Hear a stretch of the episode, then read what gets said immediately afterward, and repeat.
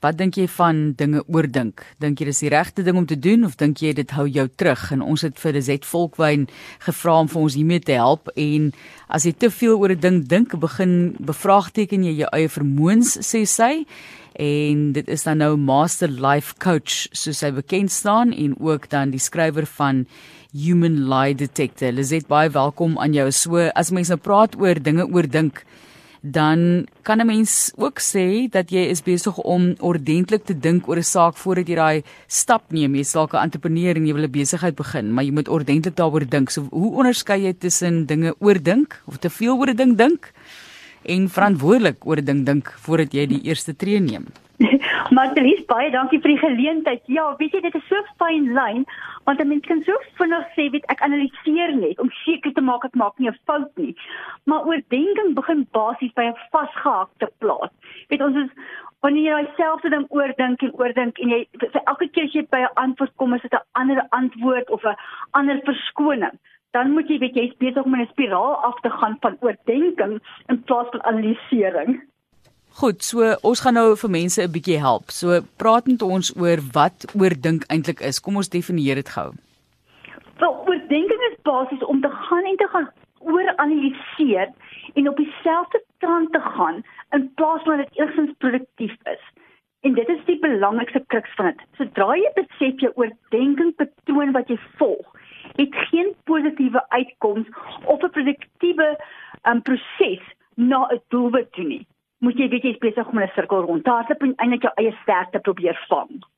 Ek sê baie kere Lizet en ek weet nie of mens reg is nie, maar ek voel net baie keer as jy nie gaan spring nie, gaan jy dit nie doen nie. So baie keer moet 'n mens net daai sprong neem en ek sê baie keer ek is geneig om baie vinnig diepkant in te spring en dan leer ek hoe om te swem in daai situasie terwyl ek nou daar is, maar dit kan ook 'n gevaarlike besluit wees. So net om daar te onderskei of mense op die regte pad te sit dat jy moet dalk natuurlik dink oor 'n saak, maar baie keer moet 'n mens daai diepkant sprong neem. So hoe kry mens die balans daar?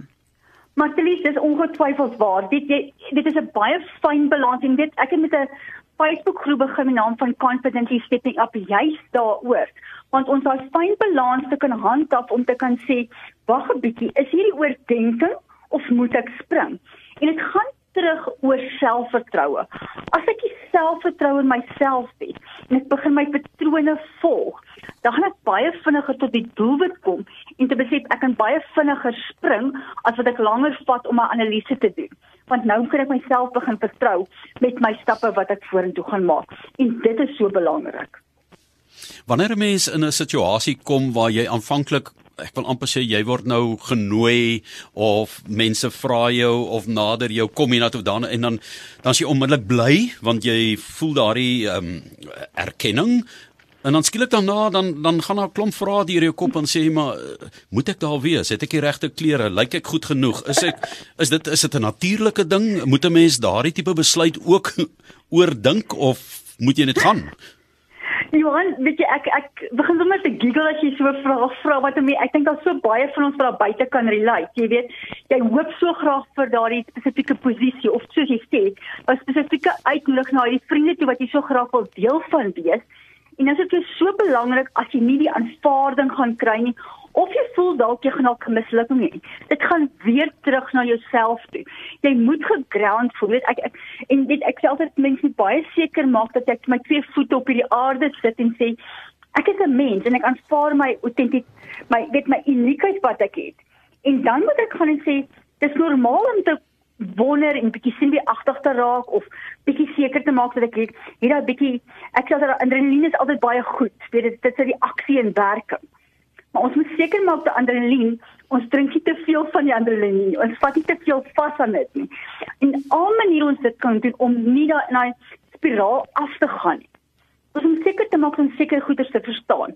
Een dit is 'n weet ons moet die feite in oë kan neem. Hmm nie die emosie nie want dit is die grootste probleem wat ons het. Ons vat ons emosies oor en sê wat is nie van my hou nie et cetera et cetera. En dit is goed dat ons moet op terug staan maar maar die vrees om te faal is tog 'n groot ding en uh, baie mense ek dink ons waarskynlik ek en Martelies as ons hier instap jy weet in ons onderbewussyn het ons 'n tipe van 'n vrees ons program gaan nou faal vanmiddag iets gaan gebeur. Of die rekenaar maar alles iets kan val en ons moet dit oorkom. Jy het 'n sekere adrenalien nodig om daar deur te gaan. Dis normaal. Ek dink is normaal. Ek dink as jy dit nie het nie, is dit trouens dalk gevaarliker as jy weet as as as om dit te hê, want as jy dit het, dan weet jy jy moet iets beheer, jy moet jy moet dit bestuur nie waar nie. Ja, ongetwyfeld. Jy weet, en dit gaan met terug ons na jou ehm um, kernwaardes toe, want as jy besef jou kernwaardes sê, ek het 'n hoë standaard, ek het 'n sekere vereiste en so voort.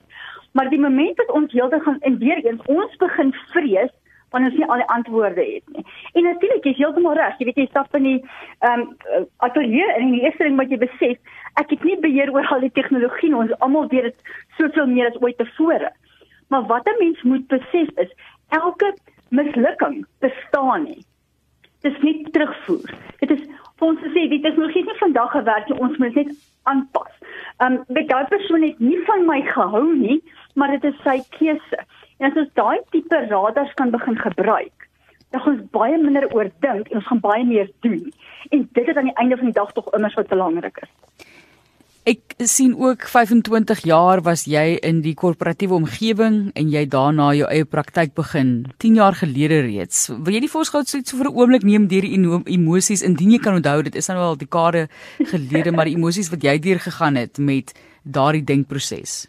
O, oh, absoluut. Jy weet, as ek terugkyk na die laaste 10 jaar en ek besef skielik jy weet die groeiproses wat jy deurgegaan het. Die dag toe ek van koöperatief afgaan, weet ek spot altyd terwyl ek koöperatief is en jy al die kanale wat jy volg en jy weet die einde van die maand is my salaris in die bank en en en, en skielik moet jy daai hele proses verander.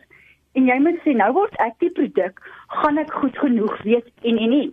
En in die begin die eerste ding wat ek moes doen is om te sê maar wow, kom ons gaan parkeer al die emosies daaromtrent. Wat is die realiteit? Die realiteit is ek is 'n human lie detector. Die realiteit is ek het my meesters lewensafrigting kursusse gedoen. Ek is 'n meester NLP praktisyn. So ek ek het afgegaan op al die feite wat daar is. En toe gaan ek en ek sê maar hoe het ek gevaar in koöperatief? Wat was my patrone in die verlede? My patrone in die verlede was ek te hoë kwaliteit en ek ek gaan nie terug nie. Ek val nie terug op iets en ek maak nie nie iets klaar nie. So ek het al die feite gaan analiseer. En toe besef maar my patroon sê I'm a go getter. My patroon sê ek gaan dit maak werk. My patroon sê ek ek pas aan. Toe besef ek ook maar nou kan ek dit weghaal. Ek haal die emosie uit die hele rol uit en kyk net na realiteit. En toe besef ek ek is ek is op die regte pad. Dit ek die kursus ek bied 'n kursus aan oor kernwaardes. En toe kom my kernwaardes kan vas.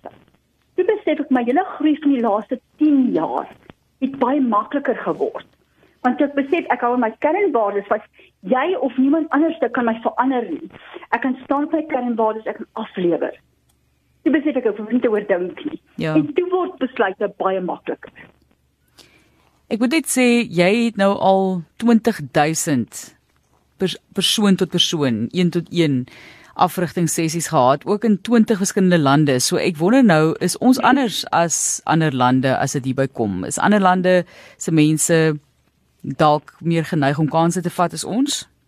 Absoluut nie. Weet aan die einde van die dag en dit is dit is my so interessante vraag want dit is presies almal wonder altyd sê is daai mense anderste en ek kan weet ek kan weer terug na die oor oordenkingsfase.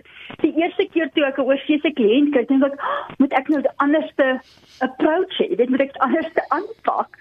En die eerste ding wat ek begin besef, maar ons almal het dieselfde universele gevoelens ja, ons kulturele uitkyke kan dalk verander.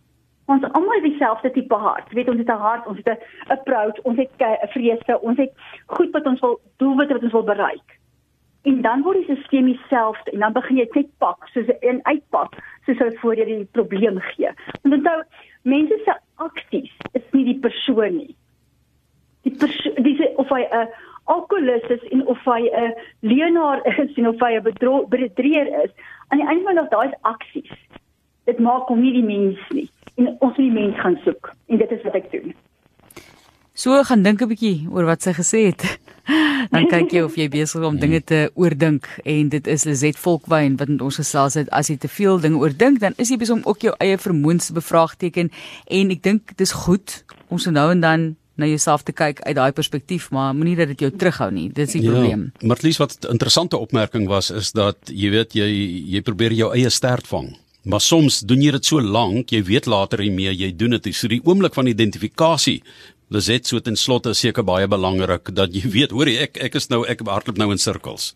Verseker, sodra ek kan begin sit en ek kan net die een asem sê en sê vir een oomblik, is dit produktief? Vat dit my vorentoe. En as dit daai twee vrae nie 'n ja is nie, hou op jou sterk vang. Dan moet jy weet nou met 'n klat los. En dit is hoe jy vorentoe begin beweeg.